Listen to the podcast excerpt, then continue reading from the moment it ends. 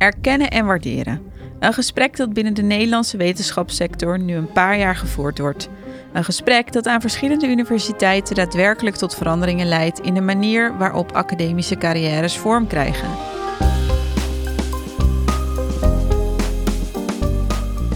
Medio 2022 is daarom een goed moment voor de jonge academie om met hoogleraren door te praten over dit onderwerp. Mijn naam is Ingeborg van der Ven en in zes afleveringen voer ik met deze hoogleraren een persoonlijk gesprek over carrières in de wetenschap.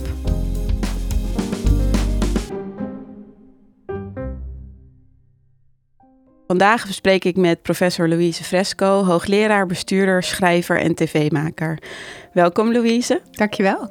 We hebben het in de podcast over aan de top staan. Dus dat zou eigenlijk mijn eerste vraag meteen zijn. Wat betekent aan de top staan voor jou? Ja, het gekke is dat ik nooit in dat soort termen denk. En al helemaal niet over mezelf. Want eh, zoals je in een gebergte ook altijd weet, als je op de hele aarde kijkt, dat is altijd wel ergens een hogere top. Tenzij je naar de Mount Everest gaat en dan nog. En bovendien, de top is altijd relatief. Dus ik, ik ervaar dat niet zo. Ik zie eerder dat je een soort primus inter pares bent in een team, dan dat je eenzaam aan de top uh, staat. Kijk, als je natuurlijk begint, dan is er wel degelijk uh, een hele serie mensen die meer voor het zeggen hebben dan jijzelf. Uh, maar toch al heel lang, zeker vanaf dat ik hoogleraar ben, en dat is ook al heel erg lang, ja, heb ik altijd het gevoel gehad van we doen het met, met elkaar. En is wel iemand die af en toe moet helpen de knopen door te hakken, maar ik ben zelf wel erg van het consensusmodel. En dat het begrip aan de top, uh, ja, strook daar eigenlijk niet mee. Nee. Oké, als we het dan niet aan de top noemen, dan kunnen we op zijn minst zeggen dat je succesvol bent geweest als hoogleraar en als wetenschapper. Als je het hebt over succes, hoe kijk jij naar succes? Is dat altijd keihard werken of is een factor van geluk ook van belang? Ja, ik vind ook succes vind ik een moeilijke term, okay. eerlijk gezegd. ja. want, want waar meet je succes aan af? Ja aantal publicaties, aantal keren dat je in de krant komt, uh, aantal promovendi of, of uiteindelijk je impact. En dan ben ik veel meer van de impact. En dan denk ik, ja, ik heb, ben destijds in Wageningen gaan studeren. Uh, omdat ik echt verschil wilde maken in de wereld, met name op het gebied van, van zeg maar de wereldvoedselsituatie. Ja, mijn impact kan je op zijn hoogst indirect meten. Dus uh, dat vind ik eigenlijk belangrijker dan succes in de gebruikelijke materiële of, of uh, maatschappelijke zin. Ik ben niet zo van succes. Ik denk nooit aan mezelf als succes. Succesvol. Maar anderen noemen u in ieder geval succesvol in de zin dat u die hoogleraarplek heeft behaald. En dat u op een gegeven moment ook op bestuurdersfuncties terecht bent gekomen. Ja, maar dat voelt voor mij dus, dus niet zozeer. Ik denk dat het meer. Ten eerste gaat het ook niet alleen maar om. Uh, wat je uiteindelijk bereikt of zo. Maar het is ook om hoe je het doet. Ja. En dat wordt vaak vergeten. En ik denk uiteindelijk uh, dat het minstens zo belangrijk is hoe je het doet. En dat mensen zich. Kijk, ik, ik heb geen illusies. Hè? Ik ga nu weg in Wageningen. Nou, over twintig jaar weet niemand meer precies wie ik ben geweest daar. Maar wat ze misschien nog wel zich herinneren is hoe, hoe uh, de sfeer was. Hoe mensen zich herinneren als iemand die bijvoorbeeld toegankelijk is. Uh, die streeft naar een zekere harmonie, naar nuance en zo. Dus dat vind ik echt belangrijk. En dat is niet succes in de normale zin. Nee, nee. De, dus dat gaat veel meer over sfeer en gevoel eigenlijk dan ja, over dingen die concreet... Maar ook over helderheid hm. bijvoorbeeld. Ja. Dus hoe, hoe, als ik zeg uh, nuance of zo, dan bedoel ik niet dat iedereen gelijk krijgt of zo. Ik kan best wel ook uh, vinden dat iets niet goed is, dan zou ik het ook wel zeggen. Ja. Als we het dan hebben over uh, team en een, en, en een groep, heb je dan nog een idee van welke mensen er belangrijk zijn geweest in, we laten het dan niet zeggen om aan de top te komen of om succesvol te komen, maar op het, om op de plek te komen waar u dan nu bent? Zijn daar mensen waarvan u, als je het dan hebt over wetenschap, een beeld bij hebt? Ja, maar ook dat is niet zo duidelijk in mijn geval. Okay. Uh, ik heb niet één mentor gehad. En ik kom natuurlijk nog uit de tijd dat je hoogleraar werd op een er was maar één plek om in mijn vakgebied hoogleraar te worden. Er was maar één hoogleraar tropische plantenteelt. En als ik die plek niet had gekregen, was ik mijn leven lang niet hoogleraar geworden. Okay, yeah. dus het was natuurlijk helemaal niet het, tenure track systeem, dat bestond toen nog niet. Nee. We hebben het over het eind jaren tachtig. Ja. Was dat nog spannend of u die plek zou krijgen? Eh, nou, ik, ja, ik had niet het gevoel, dit moet nu per se. Ik heb altijd het gevoel van, ja, er komt iets op je pad en uh, ja, dan komt er wel iets anders op je pad. Dus ja. het is niet dat ik daar nagelbijtend uh, mee bezig was nee. of zo. Maar ik kom wel uit een, uit een omgeving waar heel veel mensen hoogleraar waren. Mijn vrienden hoogleraar, mijn vader was hoogleraar. Dus het was wel iets natuurlijks. Ja. Het was niet, daarom misschien ook juist was het ook iets relatiefs. Ja. Omdat het ook niet zo belangrijk is uiteindelijk voor wie, eh, wie je bent. Nee. Dus, maar als het gaat om mentoren, denk ik niet dat er één iemand was. Kijk, het gekke was ook, ik kom ook nog uit een generatie waar eigenlijk helemaal geen vrouwen in de buurt waren. Nee. Er was, ik was de tweede vrouwelijke hoogleraar die werd benoemd in Wageningen. En er is een beroemde foto van het 75-jarig bestaan van Wageningen. Daar staan we allemaal voor de aula. En dan zie je dus een hele eh, groep mensen in toga. En als je Ja. heel goed kijkt, staat er één iemand met een oorbelletje. Ja. Want je lijkt dan allemaal op elkaar. En ik had natuurlijk mijn haar opgestoken toen ook onder die baret. En dan ben ik dus de enige vrouw op die foto, hè? En dus het was allemaal wel zo uitzonderlijk dat je ook niet echt kunt spreken van een mentor die. Ja, ik moest eerder bevechten dat, dat je ook wel hoogleraar kon zijn, ook als je relatief zo jong was. En. Ja, en vrouw, ja. ja. ja. Dus dan was het eerder, ja, zou ik het concurrentie kunnen noemen met mannen? Of is het dan. Nou, ik was zo gezegd. uitzonderlijk. Mhm. Ook al in mijn eerdere werk in Afrika en, eh, en, Nieuw-Guinea. Ik was gewoon de eerste blanke vrouw die op heel veel plekken kwam. Hè. Dus het, je viel echt buiten alle categorieën. Ja. Maar ik weet nog wel dat ik in Wageningen hoogleraar werd. En dat, toen heette dat nog hoogleraar-directeur van het instituut. Mhm. Je had dus ja, bij ons in Wageningen gelijk instituut met 200 hectare land, 20 tractoren, 200 koeien. Ja. En toen kwam ik daar aan de eerste ochtend. En er waren dus ook nog iets van 20 arbeiders, zeg maar, wij spreken. En toen Ja. zei ze, nou, zegt u het maar, weet je wel. Dus ik moest gelijk ook een heel bedrijf gaan managen. Ja, ja. Want, eh, ja, en dat, dan stellen ze je wel op de proef natuurlijk. Dan kom je als, als ja, relatief groentje, jonge vrouw, kom je daar in zo'n positie. Ja. Plus nog al die laboratoria. Maar dat heb ik toen wel, denk ik, slim aangepakt. Al zeg ik het zelf achteraf, bedenk ik nu. Ja. Omdat ik onmiddellijk dacht van... Er is iets heel raars, want ik ben hoogleraar-directeur hier, maar eh, zeg maar 500 meter verderop ligt een ander instituut, vakgroep enzovoort. Daar doen ze plantenveredeling. Die hebben ook 200 hectare land. Dus toen heb ik uiteindelijk besloten met al die groepen, fytopathologie was een andere, om al dat land te poelen en dus dan veel efficiënter daarmee om te gaan. Ja. En ook al die kassen samen te doen. Ja. En daaruit is ontstaan wat nu nog steeds bestaat in Wageningen. Dat, dat heet Uniform. En dat is eigenlijk het, he- het hele complex van experimentele faciliteiten, zowel kassen als land. Ja. Dat heb ik toen als eerste uit een soort noodgreep gewoon bij elkaar Dus gebracht. u kwam binnen en u had meteen een, je had meteen nou ja, een niet, idee hoe niet onmiddellijk doen. één, eh, niet in dag één. Maar daardoor, eh, ik noem het eigenlijk niet, niet om te zeggen dat ik zoiets bijzonders heb gedaan, maar omdat ik toen dacht, je moet, eh, je moet dus partners zoeken. Ja, En dus ook- samenwerking. Ja, ook met die andere hoogleraren die op hetzelfde niveau staan. Dus daar ben ik dan niet voor bedreigend, want Ja. zij zijn ook hoogleraar bij spreken. Ze hebben ook een instituut. Ja. Dus dan ja, kan je, kan je door, door goede samenwerksverbanden te smeden, kun je natuurlijk heel veel doen. Ja. Ja. Hoe belangrijk dat die, Ja. die teammetafoor ja, weer ja, is. en het grappige Ja. was dat die arbeiders, die natuurlijk eerst ontzettend, ja, dat heette toen arbeiders, hè, maar dat mag je nu ook geloof ik niet meer zeggen. Maar die waren natuurlijk in het begin helemaal niet enthousiast om dingen samen te doen met een groep eh, kilometer verderop of zo. Nee. En maar toen ik wegging uit Wageningen eh, om naar Rome te gaan voor de VN, toen hebben zij, moet je je voorstellen, hebben zij uit eigen initiatief een schilderij laten maken van mij, waarbij ik in een soort ballon zit, een ballonmandje zit met mijn fiets, waar ik over de velden uitkijk Ja, van, geweldig. eh, van, van de proefbedrijven. Ja, dus het was een succes. Was voor hen, ja, was, ja, maar dan gebruik jij het woord succes, ik Oké. zeggen, maar ze hebben, het, ze hebben het geaccepteerd. Dus dat Ja. was wel heel erg leuk. Dat was voor mij echt veel meer erkenning Ja. dan eh, als iedereen eh, maar zei van nou, dat is een briljant idee of zo. Ja. En dan was dat misschien nog belangrijker dan of die foto met al die mannen of die. eh, Nou ja, het zijn twee kanten van hetzelfde verhaal. Ja, Mm, precies. Ja, ja. mooi. Nou, we hebben het er net al over gehad. Het is voor, eh, voor jou een drukke maand. We nemen dit gesprek nu op in juni. Eh, mensen zullen hier naar luisteren vanaf september. En in deze maand neem je afscheid als bestuursvoorzitter van de Wageningen Universiteit. In je carrière, daar hebben we het net ook al over gehad, heb je heel duidelijk gekozen voor managementpositie en ook wel voor commissiewerk. Je noemde zelf de FAO al, eh hebt een tijd in Rome gezeten. Nou, de WUR hebben we het net al over gehad, maar je hebt ook in het dagelijks bestuur van de SER gezeten, bestu- verschillende bestuurdersfuncties. Mhm. Als je dan kijkt naar de brede discussie die erkennen en waarderen op dit moment is in Nederland, zie je leiderschap als een wetenschappelijke vaardigheid. Mm, ik denk dat leiderschap gebaseerd moet zijn op wetenschappelijk inzicht als Mm. het gaat om dat soort sectoren. En Jij maakt nu een onderscheid tussen bestuurlijk en, en wetenschap, wat voor mij niet zo scherp ligt. Oké. Ehm, ja. Ik heb ooit jaar, en zelfs management, ik heb jaren geleden al eens een column geschreven in de NRC, echt mhm. heel lang geleden, over dat je dezelfde vaardigheid nodig hebt om te managen, om te besturen en om wetenschap te bedrijven.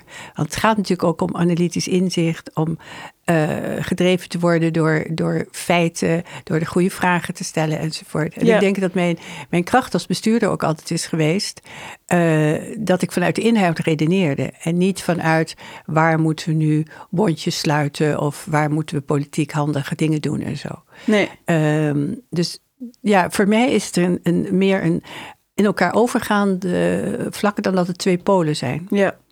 Nou, waarom ik hem zo tegenover elkaar zet, is natuurlijk ook eventjes voor het gesprek, maar is ook omdat hij in alle erkennen en waarderen documenten en discussies zo expliciet wordt genoemd als iets wat wellicht in het huidige systeem niet genoeg erkenning krijgt. Of als je je als wetenschapper heel erg daarop richt of die keuzes maakt, dan is het de vraag of je daar op dit moment genoeg, ja. of je genoeg gezien wordt daarin. Ja, dat is dus een andere discussie. Mm we zeggen, ik heb uitgelegd hoe het voor mij werkte.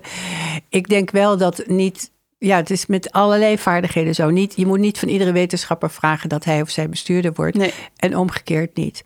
Maar mensen die daar affiniteit voor hebben, moeten de kans krijgen ook om daarin te groeien. En dat kan gewoon heel goed op, op eerst op een kleinere schaal. Dus je kunt. Ik heb ook al heel lang geleden, toen had je nog WOTRO, dat was een onderdeel van NWO voor, voor tropische projecten. Ik heb eindeloos daar in selectiecommissies gezeten. Uh, uh, allerlei soortige dingen bij het programmeren van onderzoek ben ik ook internationaal al heel vroeg eh, bij betrokken geweest. Ik weet wel dat ik net hoogleraar was en toen kwam het eerste IPCC-rapport, of dat was, werd dan voorbereid. Daar ben ik gelijk al reviewer van geworden. Oh dus uh, dus ik heb ontzettend veel internationaal ook dat soort dingen gedaan die, die telkens lagen op dat grensvlak tussen wetenschap en besturen. En ik denk dat dat een leerschool is, zeker als je dat internationaal doet, die voor iedereen goed is. Want dan merk je ook wel of je daar affiniteit mee hebt of niet. En het kan ook zijn dat je denkt van nou, dit vind ik gewoon helemaal niet leuk. Ik wil echt ontzettend graag in mijn petrischaaltjes kijken en dat vind ik het allerleukste. Dan, dan moet je dat, dus je moet toch wel, denk ik, in dat hele debat over erkennen en waarderen, de ruimte geven voor individuele verschillen. Ja. In persoonlijkheid, in belangstelling, noem maar op. Gaan we het zo nog iets verder over hebben. Waar, wat ik me nu afvraag is, um, wat ik net hoor, is dat er dan is er een specifiek element wat besturen of leiderschap binnen de wetenschap anders maakt dan op andere plekken? Mag ik dat vragen? Met jouw ervaring op verschillende plekken, is dat anders? Ja, dat is wel een goede vraag. Mm. Ik denk dat op zekere hoogte heb je vergelijkbare mechanismes overal.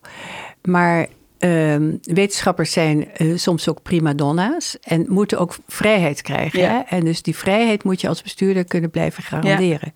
Ik ben ook nu sinds 1 juni voorzitter van de Nationale Opera en Ballet. En daar heb je iets vergelijkbaars. Dat, dat artistieke mensen, uh, of ze nou dansers, zangers, muzici zijn, die hebben ook die vrijheid nodig. Ja. Ehm, en dat is anders dan misschien op andere plekken besturen. Ik denk dat het anders is dan als je in een ministerie op een mhm. bestuurlijke functie komt. Ja. Want dan is er het, toch een zeker keurslijf van hoe dingen op een bepaald ministerie moeten gebeuren. Nou denk ik wel dat flexibiliteit en vrijheid van denken ook heel belangrijk zouden kunnen zijn op ministeries. Ja. maar laten we zeggen, het is, het is uh, een kwaliteit van de werkomgeving die je zou moeten garanderen als je bestuurt vanuit de wetenschap. Ja.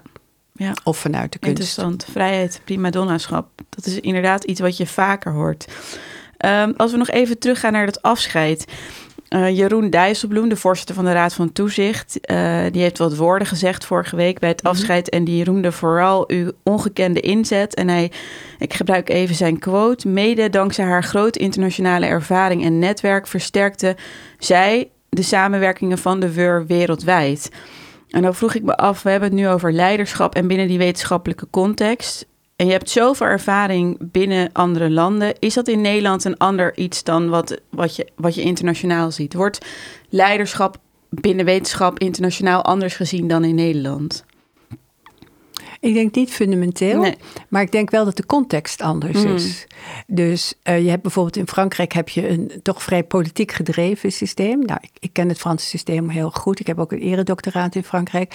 En ik zie daar wel dat, dat de context uh, toch heel erg uh, bepaald wordt ook door de politieke connecties die mensen hebben. Ja. Dat is hier minder. Ja. Het is niet zo dat iemand zich, uh, als, als hij al de, of zij dat soort contact, dat het niet op prat gaat van ja, ik heb nog laatst met de minister zus of zo besproken. Dat, dat is eigenlijk not done in ja. Nederland. Nee. In Amerika, en dat zou in Frankrijk wel meer Dat kan, ja, zijn. op bepaalde okay. niveaus kan dat. Ja. En dan wordt dan niet uh, mismuilend naar gekeken of zo. Nee. Maar in Amerika is het weer anders, denk ik, omdat uh, daar natuurlijk de rol van de private sector heel belangrijk is. En uh, dus daar gaat het om je bredere connecties, niet alleen je politieke connectie, maar de, de centrale, hè, federale overheid heeft in heel veel opzichten. Als ik denk aan Californië, veel minder te zeggen dan ofwel de private universiteiten, zoals Stanford, waar ik Ja. zelf gedoseerd heb, of Ja. ook de hele start-up community. Die zijn veel belangrijk voor of iemand als leider ook wordt geaccepteerd en Ja. of hij of zij daar contacten heeft. Of je daar een leverage hebt. Nou ja, en in, in, in, in eh, landen als China en zo, of India, is natuurlijk wel die politieke context ook van belang. ja. En daar wordt ook heel utilitaristisch gekeken naar wat, wat kan jij ook brengen aan anderen. Ja. ja. Dus er zitten wel nuances. Dus, maar, maar leiderschap blijft natuurlijk toch al een heel ondefinieerbaar pro- Ja, eh, nou. principe in zekere We zin. doen een mooie poging. En, hoe, en hoe, is- hoe, want het zijn allemaal mooie elementen die je omschrijft van verschillende buitenlandse contexten. Hoe zou je de Nederlandse context omschrijven? Of is het daar nog te kort? Nou, als ik, ik ga een onaardige en aardige definitie geven. Zal ik dat doen? Ja, heel goed. Als ik onaardig ben, dan vind ik eh, dat we heel erg bureaucratisch over leiderschap denken in Nederland. Ja, Dus dat allerlei dingen moeten eh, goed afgedekt zijn. Eh, er moeten heel veel commissies overheen. En dan moet er nog een, totale commissie naar alle rapporten van alle commissies kijken. En we doen en we durven eigenlijk niks zonder heel veel rapporten. ja, veel verantwoording. Ja, en dat is heel goed, want Mhm. dat, is, eh, dat geeft ook draagvlak natuurlijk. En dat, dat is ook belangrijk. Ehm, en ik wil ook niet zeggen dat het altijd zo gebeurt, maar het is wel een beetje de teneur in Nederland. Ehm, het tegenovergestelde is dat je veel meer spontanere dingen hebt, eh, met briljante ideeën. En dat werkt goed in de context van een onderzoeksgroep. Mhm. Maar bijvoorbeeld eh, in een universiteit. eh, ik heb ook tal van spontane ideeën, maar ik moet daar wel een groep omheen krijgen. Wil het ook echt werken? Ja, Ehm, en dus je moet eigenlijk als, als leider ook het evenwicht vinden tussen die bureaucratische kant en die meer spontane kant. Maar ook openstaan voor de spontaniteit van anderen. Ook niet bij alles roepen van ja, maar dit kan niet. En eh, een dooddoener is altijd ja, maar het staat niet in ons strategisch Oh ja, plan. ja. Weet je wel?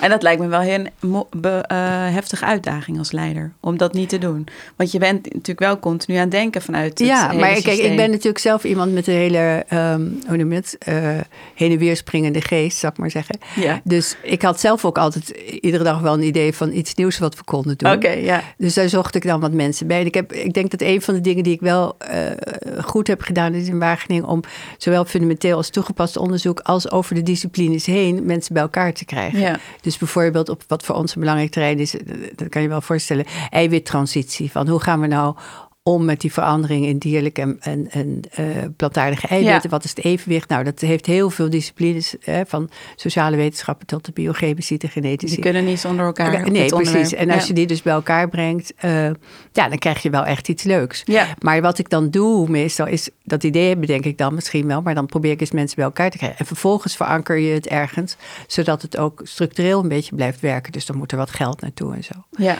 En eh, dan moet het in, het, in de volgende ronde van het strategisch plan, moet het dan wel expliciet naar voren komen. ja, Maar dat is toch iets anders dan dat je van dingen zegt, ja, maar dit mag niet, want het staat niet in het strategisch plan. nee, precies.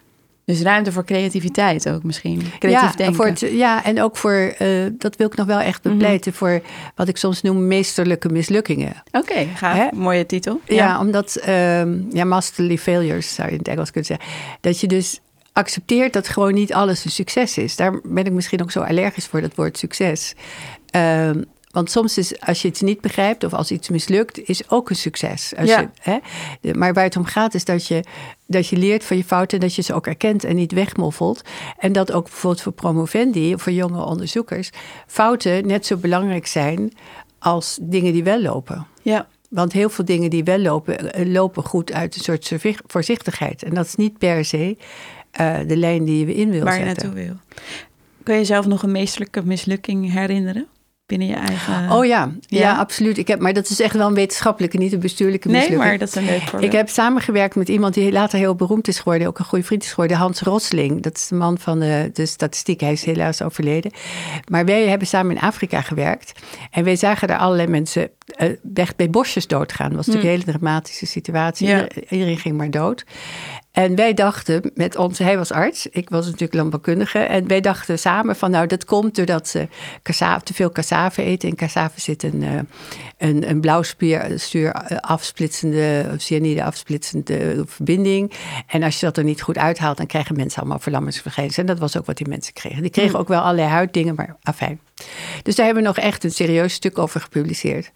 Het was een totale rare theorie. Maar goed, voeding was toen net zo'n beetje iets waar, uh, ja, wat met gezondheid te maken had. was natuurlijk ook niet zo populair. Dus we vonden eigenlijk onszelf wel heel goed. Achteraf bleek het aids te zijn. Oké. HIV-AIDS. Maar ja, dat kende natuurlijk niemand. Nee. En dat begon daar in het gebied waar wij werkten. Dus wij zagen dat mensen aan aids doodgaan. Maar we wisten pas twee, drie jaar later dat het aids was. Wow.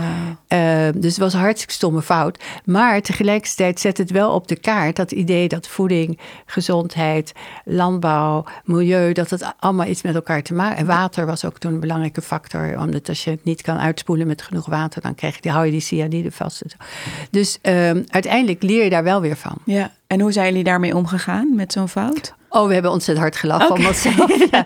Nou, en gelijk heel terug, omdat die aids dus veel ernstiger ja. was. Want die aids was op dat moment helemaal niet oplosbaar. veel groter te zijn Ja, nou, nu gelukkig is het wel zo dat er goede medicijnen zijn. Hoewel ze nog steeds veel te weinig in Afrika worden gebruikt. Ja. Maar uh, uh, toen was natuurlijk het ergere probleem was dat, het, ja, dat het heel uitzichtloos leek. Ja, want dat vroeg ik me ook af in mijn research naar jou als persoon. Uh, als je op zoveel plekken bent geweest en je hebt zulke heftige dingen gezien, de lelijkheid van het leven of van mm. de wereld of van de samenleving, is dat iets wat je meeneemt in je leiderschap? Ja, absoluut. Wel, ja. ja. Maar dat, dat is eigenlijk deel van mijn bewustzijn sinds ik al heel jong ben. Mm. En ik denk dat uh, uh, het besef hebben ten eerste dat wij allemaal heel bevoorrecht zijn. Ja. Dat het geen enkele verdienste van ons is dat we hier zijn geboren en niet in Calcutta of in de buitenwijken van Johannesburg of Rio de Janeiro. Dat is al gewoon iets wat voor mij ook betekent dat je een opdracht hebt om uh, ja, iets positiefs te doen. Wat het Ja. dan ook verder is. Hè? Ja. Daar kan ik me ook uh, altijd slecht uh, inleven in het pessimisme van sommige mensen. Hè? Dus je hebt ook mensen die voortdurend zeggen dat de wereld ten onder gaat en dat het zo slecht gaat in Nederland en zo. En dan denk ik, ja. Daar heb je ook laatst een column over Ja, geschreven. precies. Maar dat schrijf ik eens in zoveel jaar. Schrijf ik Ja, zo'n gewoon column dat het een dan te veel is. Ja, precies. Ja. Dus ik vind wel dat het, het is een enorm voorrecht om zoveel gezien te hebben van de wereld. En niet alleen maar van de wereld in toeristische zin, maar ook van hoe mensen leven. Ik ben Ja. eigenlijk bijna nooit als toerist in een land geweest buiten Europa. Echt altijd voor werk. En onder soms heel primitieve omstandigheden van eh, ja, verblijf en reizen en zo. Maar daardoor kom je heel dicht bij mensen. Ja. Omdat je niet, als, mensen waren vaak heel blij als, als ik kwam of als het mijn team kwam. Omdat ze wel het idee hadden van hier zijn mensen die luisteren en Ja. die iets willen. Ja. Maar dat geeft je toch een soort relativeringsvermogen, of althans aan mij. eh, om ook te kunnen omgaan met tegenslagen. Of, of denken van nou, dit moeten we zo doen. En zo. Dus ik heb dat altijd als heel positief ervaren. Ja. Nou, als we nog maar eventjes teruggaan naar dat afscheid. Je ontving een eh, mooie koninklijke onderscheiding van minister Dijkgraaf. eh, commandeur in de orde van de Nederlandse Leeuw. Het woord erkennen hebben we nu al een paar keer aangeraakt, maar ik ga de vraag toch nog een keertje stellen. De minister noemde ook weer erkenning voor je onnavolgbare inzet voor de samenleving. Het is een vraag die ik wil kijken of ik in deze serie aan alle hoogleraren kan stellen eh, die we gaan spreken, omdat het traject heet zo duidelijk erkennen en Mm. waarderen. Wat betekent erkenning voor jou?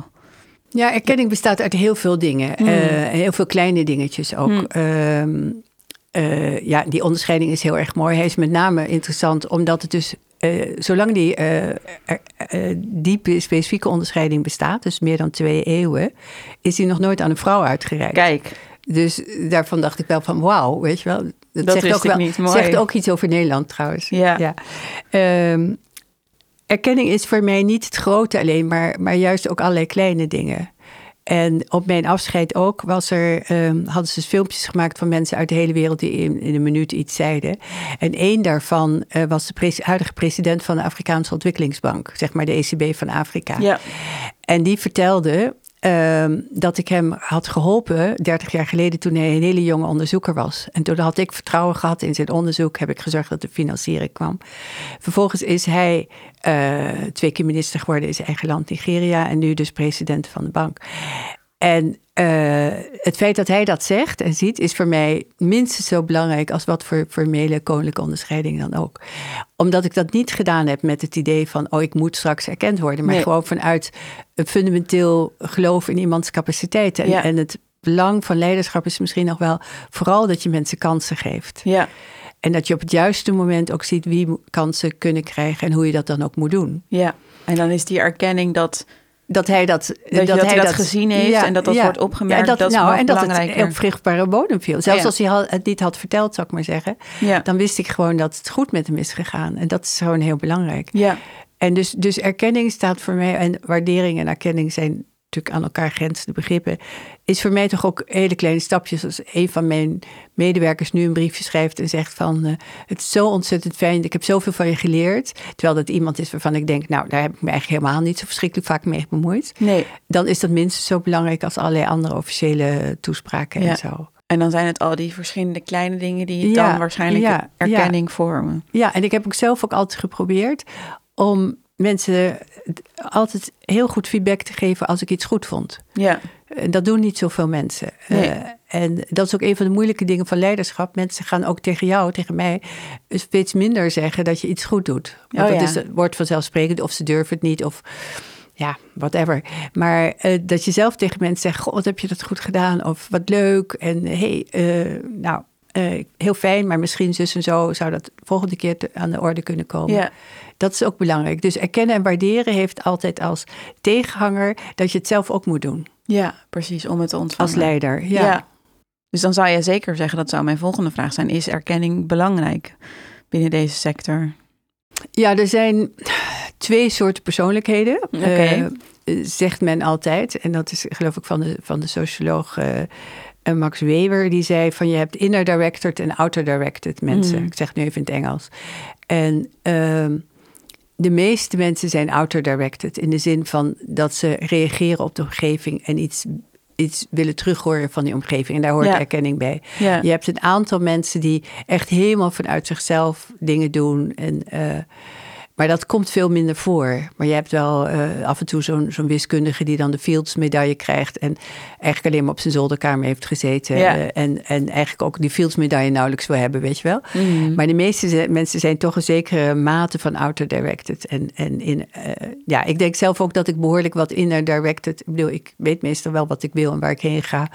En dat is niet afhankelijk van of mensen staan te juichen of niet. Nee. Maar, maar het is dus een hele fundamentele behoefte, denk ik, van mensen om erkenning te krijgen. Want het is echt iets van, ik word gezien. Ja. Dus de erkenning is niet alleen maar van, uh, nou, we geven je een pluim of je artikel wordt uh, gepubliceerd, maar meer, je bent er Mhm. en je hebt iets gedaan. Mm-hmm. En dat, uh, dat gezien worden, denk ik, is psychologisch heel belangrijk. Ja, want dat vind ik wel heel interessant dat je dit zegt. Ik heb zelf een van mijn dingen die ik de afgelopen jaren volg, is het welzijn van promovendi.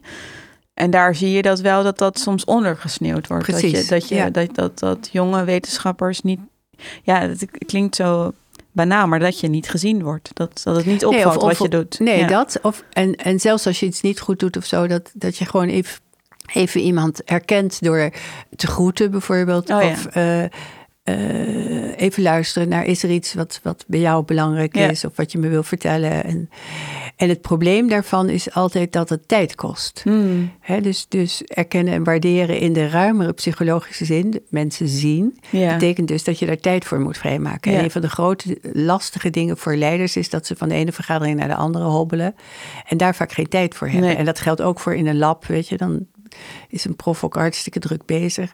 En dat vind ik wel erg belangrijk, dat je Mm. dus uh, ja, de groepsgroottes ook niet zo groot maakt. En ook de, de druk op agenda's.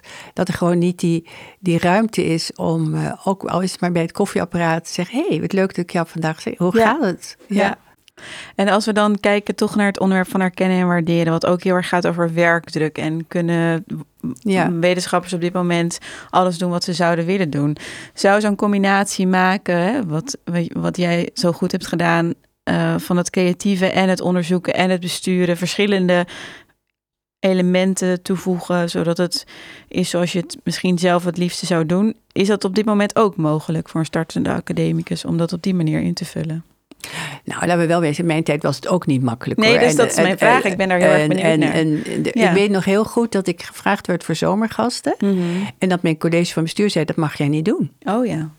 Want dat had je dus ook. Dus het was niet alleen maar werkdruk, maar het werd gewoon niet een stuk in de krant schrijven. Vrijheid is niet een, was niet een ding. Nee, dus, Dus, ehm, dus dat is één. Ik denk dat ehm, het alleen maar kan als je echt ook moed hebt Mhm. om van de ge, ja, geëikte paden af te wijken. Eh, als je ook echt veel energie hebt. Mhm. En die kun je ook koesteren, want heel veel dingen geven ook energie als ze goed gaan. En je moet, je moet echt heel hard werken. En, Ja. en dat is denk ik het grootste probleem. Ik, ik zei tegen, bij mijn afscheid tegen de studenten, zei ik van... eh, idealen hebben is heel erg goed, die moet je Mhm. ook hebben. Maar idealist zijn betekent gewoon heel hard werken. Werken. Ja. Het komt niet vanzelf omdat je goede ideeën hebt. Nee. En dat is het probleem. Ik denk dat vandaag de dag eh, het heel erg lastig is voor promovendi om heel veel dingen te combineren. Ja. Ehm, en dat is ook trouwens voor studenten is dat ook al zo. Voor mensen die werken eh, zonder te promoveren. Dat je, eh, we willen ook heel erg veel. Weet je, dus, dus we willen.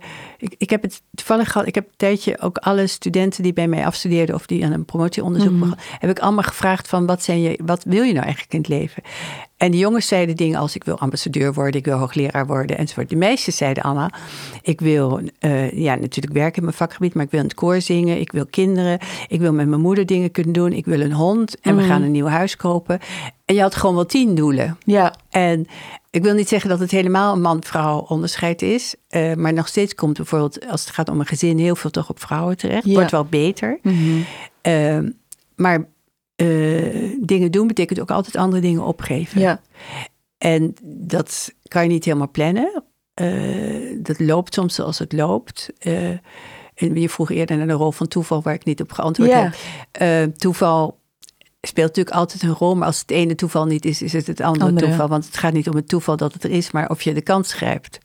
En daarvoor heb je een bepaalde mentaliteit nodig. Hm. Dus jij zegt twee dingen. Je zegt het gaat over je doelen formuleren en dan ook zeggen wat je vooral niet doet. En als een kans zich aandient, maar ook echt en, pakken. ook, en accepteren dat je hard moet werken. Ja.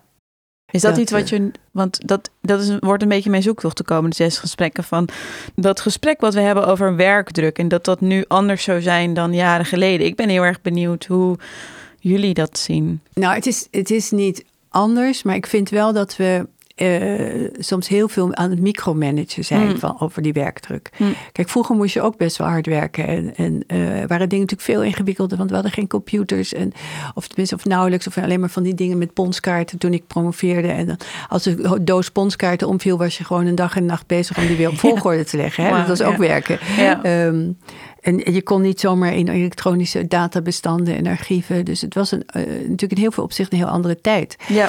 Maar wij gingen wel eh, drie weken, vier weken op expeditie. eh leverde nooit één bonnetje in. Ik kan me niet herinneren hoe dat allemaal goed ging. Maar het ging gewoon allemaal goed. Ja. Weet je wel, dus die vrijheid was er wel. En die zou je ook nog best wel meer kunnen creëren. En verder zou ik toch wel voorzichtig zijn met, met zozeer hangen aan kwant- kwantitatieve eh, targets. Wat Hm. iets anders is dan persoonlijke doelen. Hè? Ja.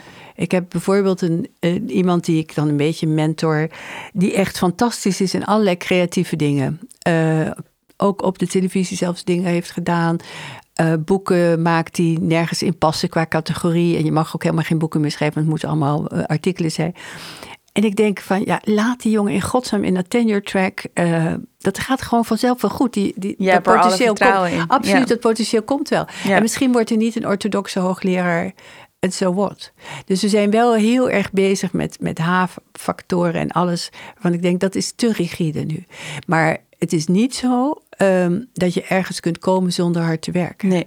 En dat is echt wel een keus. Ja. En dat is niet altijd een makkelijke keus. Nee. En dat is wel iets wat voor jou een voorwaarde is ook om dit pad Nou ja, te goed, je hebt natuurlijk briljante mensen. Ik bedoel, ik heb ook maar natuurlijk een soort erwtenbreintje. Dus ik kan sommige dingen ook niet zo snel. Maar de meeste mensen hebben dat. En Mm. eh, er zijn natuurlijk briljante mensen die wel dingen veel sneller kunnen. Maar zoiets een goed stuk schrijven, van wat voor aard dan ook, dat kost altijd energie, kost Ja. altijd tijd. Ja. Uh, mensen zeggen tegen mij wel eens van je schrijft zo makkelijk of je, je geeft zo makkelijk een toespraak. Ik zeg, nou, dat is helemaal niet zo. Ik moet er heel veel over nadenken. Ja. We hebben het gehad over het belang van vrijheid binnen de academie. Dat jij steeds toch wel tegen bent gekomen dat we in Nederland misschien een wat bureaucratisch systeem hebben. En we hebben het heel duidelijk gehad over wat erkenning, ja, hoe je dat als term zou kunnen omschrijven en welke, welke dingen daarbij horen. Nou hebben we natuurlijk toch over erkennen en waarderen binnen Nederland. En ik heb me ook een beetje verdiept over in het afgelopen periode in hoe de WUR daarover uh, nadenkt. Hè? Want je ziet dus een Nederlands gesprek, maar je ziet ook dat elke universiteit daar andere uh, nuances en focus in aanbrengt. Hoe heb jij het erkennen en waarderen discussie van de afgelopen twee jaar ervaren? Nou, ik vind het wel heel erg belangrijk dat hij er is. en ik denk dat het goed is dat we dat opgeschreven hebben met z'n allen. Ja. Maar tegelijkertijd moeten we ook daar weer met een zekere uh, flexibiliteit of niet te veel rigiditeit naar kijken. Hm.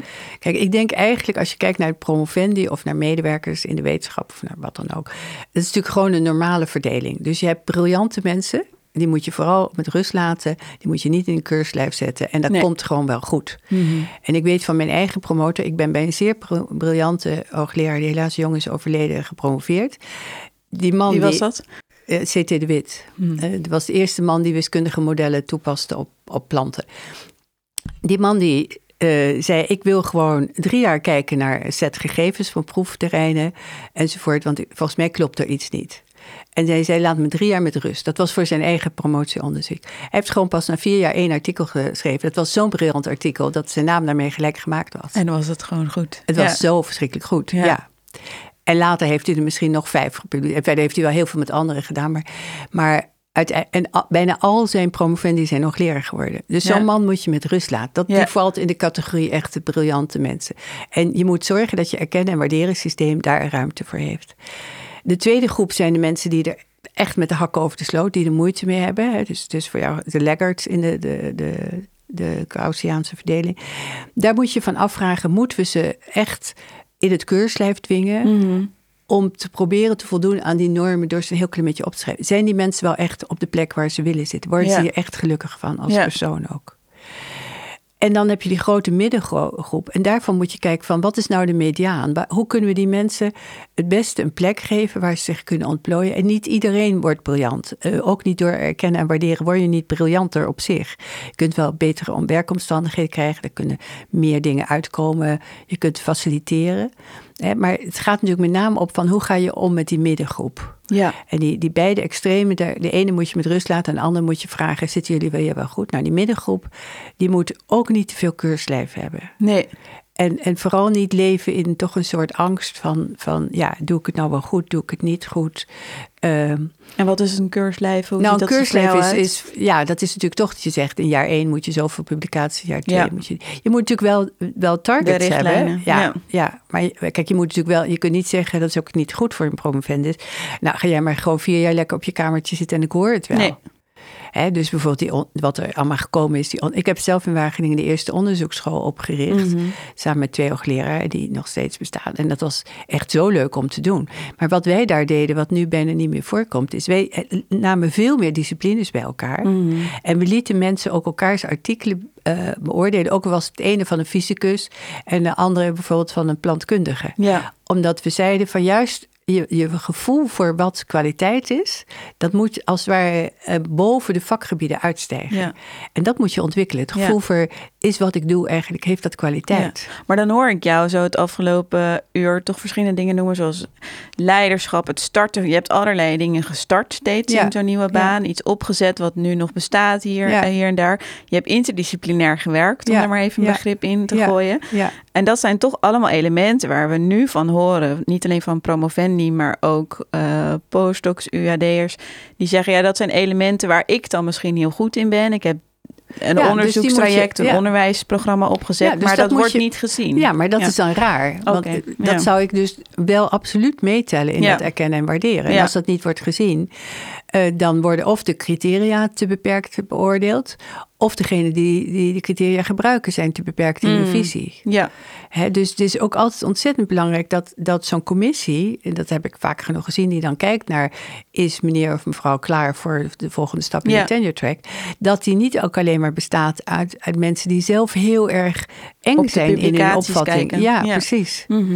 Ja, Ja. en publicaties zijn belangrijk, zonder publicatie kan niet, maar er is veel meer. En als het gaat over het belang van de wetenschap en de, de, de communicatie met de samenleving, dan moet je mensen hebben die breder kunnen kijken. kijken. En die die leiderschapskwaliteiten wellicht hebben of andere Ja, of in ieder geval creatieve kunnen elementen. ontwikkelen. Ja. En die kans moet je aan mensen geven om Ja.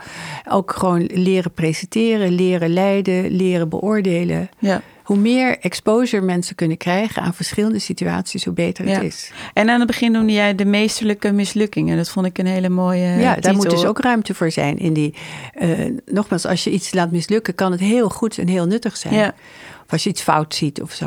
En Ja. daar, daar moet je ook, zou je over moeten kunnen praten Ja. met z'n allen. want een hele grote mislukking kan natuurlijk al jouw financiering of je track waar je in Ja, zit dat in zou de war. Ja, maar dat is, maar dan is de vraag wel even, wat is, wat is daar de fout geweest? Ja, precies. Is, dan, dan moet je dat goed analyseren. Is het Mm. omdat je het onderwerp niet goed hebt beschreven? Is het omdat je naar de verkeerde financier bent gegaan?